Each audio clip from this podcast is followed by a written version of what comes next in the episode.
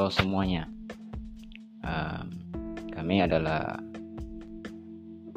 Lingkar Studi Filsafat Sofia Palu. Nah, ini adalah podcast perdana kami.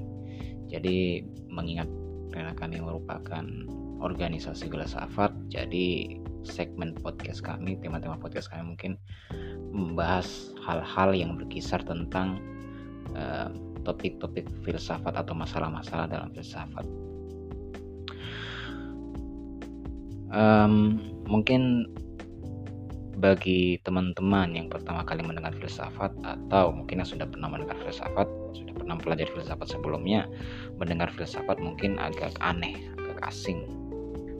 Atau ada yang mungkin yang berpikir bahwa filsafat sudah tidak relevan atau membosankan namun um, filsafat juga sebenarnya memiliki sisi yang menarik karena topik-topik yang dipersoalkan, topik-topik yang menjadi problem dalam filsafat itu banyak yang menarik. Ada yang dalam bidang metafisika, uh, sejarah hingga bahasa. Tapi apa sih sebenarnya filsafat itu dan mereka yang pelajari filsafat atau yang disebut sebagai filsuf itu apa sih uh, tugas mereka? Mungkin jawabannya bisa kita temukan di dalam filsafat itu sendiri. Kita mungkin flashback terlebih dahulu untuk awal uh, tentang uh, bagaimana situasi atau kondisi uh, Yunani sebelum filsafat. Sebelum filsafat itu uh, muncul atau filsuf-filsuf itu muncul.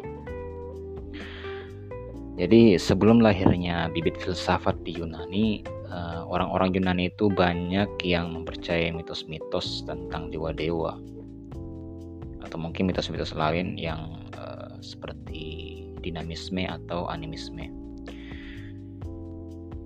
Cerita-cerita atau mitos-mitos ini uh, sudah sudah mengakar jadi susah untuk dihilangkan karena terus diceritakan turun temurun dari generasi ke generasi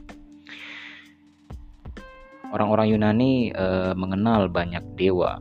Ada dewa Zeus, Apollo, Hera, Athena, dan lain-lain. yang mana e, menurut mereka dinamika alam itu atau segala apa yang terjadi di alam atau di sekitar kita itu semua adalah e, terjadi karena aktivitas para dewa tersebut. Jadi sekitar tahun 700 sebelum Masehi itu uh, kebanyakan uh, apa namanya?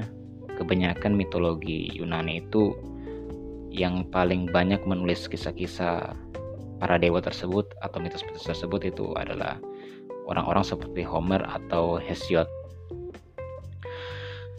Karena uh, tulisan-tulisan mereka inilah uh, makanya banyak uh, masyarakat Yunani saat itu Eh, menguatkan cara pandang mereka, menguatkan kepercayaan mereka terhadap dewa-dewa tersebut. Namun uh, muncullah para filsuf-filsuf yang mana nanti uh, kita kenal sebagai filsuf-filsuf alam yang mana mengecam mitologi-mitologi uh, atau cerita-cerita para dewa tersebut yang mana mereka nilai terlalu menyerupai manusia atau antroposentrisme yang mana uh, seperti kita tahu uh, dewa itu baik rupa ataupun sifat mereka itu sangat sama persis dengan manusia. Dewa sama egois dan curangnya seperti manusia.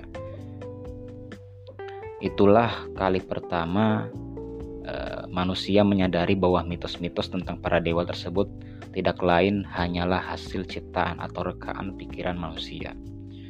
Salah satu pendukung gagasan inilah uh, yang nanti belakangan disebut sebagai para filsuf. Salah satu dari mereka yang paling terkenal adalah uh, para filsuf alam seperti Thales, Anaximandros, Anaximenes, Xenophanes. Kemudian uh, uh, mungkin teman-teman mempertanyakan tentang apa sih filsafat itu. Jadi filsafat sebenarnya berakar dari kata bahasa Arab sebenarnya. Cuma uh, dalam bahasa Yunani filsafat disebut uh, filosofi. yang terdiri dari kata pilo dan sopia. Ada pilo artinya cinta, sopia artinya kebijaksanaan. Jadi eh, kalau kita ambil kesimpulan, mungkin filsafat bisa disimpulkan sebagai ilmu yang cinta akan kebijaksanaan. Menjadi bijaksana di sini uh, adalah berarti hidup dan mati dengan cara yang baik. Olehnya para filsuf dalam usaha mereka untuk mengejar kebijaksanaan tersebut, para filsuf tersebut uh, atau mereka yang pelajari filsafat mengembangkan kemampuan-kemampuan mengembangkan kemampuan-kemampuan yang sangat spesifik kemampuan-kemampuan tertentu, terutama kemampuan dalam analisis atau berpikir. Jadi um, mungkin secara ringkas kita bisa melihat bahwa apa namanya filsafat ini uh, diidentikan dengan berpikir. Lalu muncul pertanyaan, apa bedanya? Kalau filsafat berpikir, lalu apa bedanya sih dengan ilmu-ilmu lain yang juga menggunakan pikiran.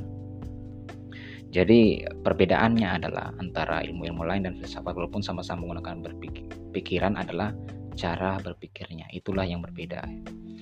Filsafat sangat tekun dalam memecahkan suatu persoalan, tidak hanya sekedar mengupas persoalan tersebut pada kulit luarnya saja atau di hal-hal luarnya saja, tapi juga sampai pada akar-akarnya atau sampai pada inti suatu sebab.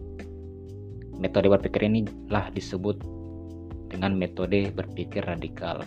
Bukan radikal teroris, tapi radikal artinya secara mendalam sampai di akar-akarnya. Berpikir secara filsafat juga dapat diartikan sebagai berpikir yang sangat mendalam sampai kepada hakikat atau berpikir secara global, menyeluruh Berpikir yang seperti ini uh, sebagai upaya untuk dapat berpikir secara tepat dan benar, lalu kemudian dapat dipertanggungjawabkan. Mungkin sekian saja uh, untuk post podcast kali ini. Uh, untuk topik selanjutnya kita akan bertemu pada podcast yang berikutnya. Terima kasih.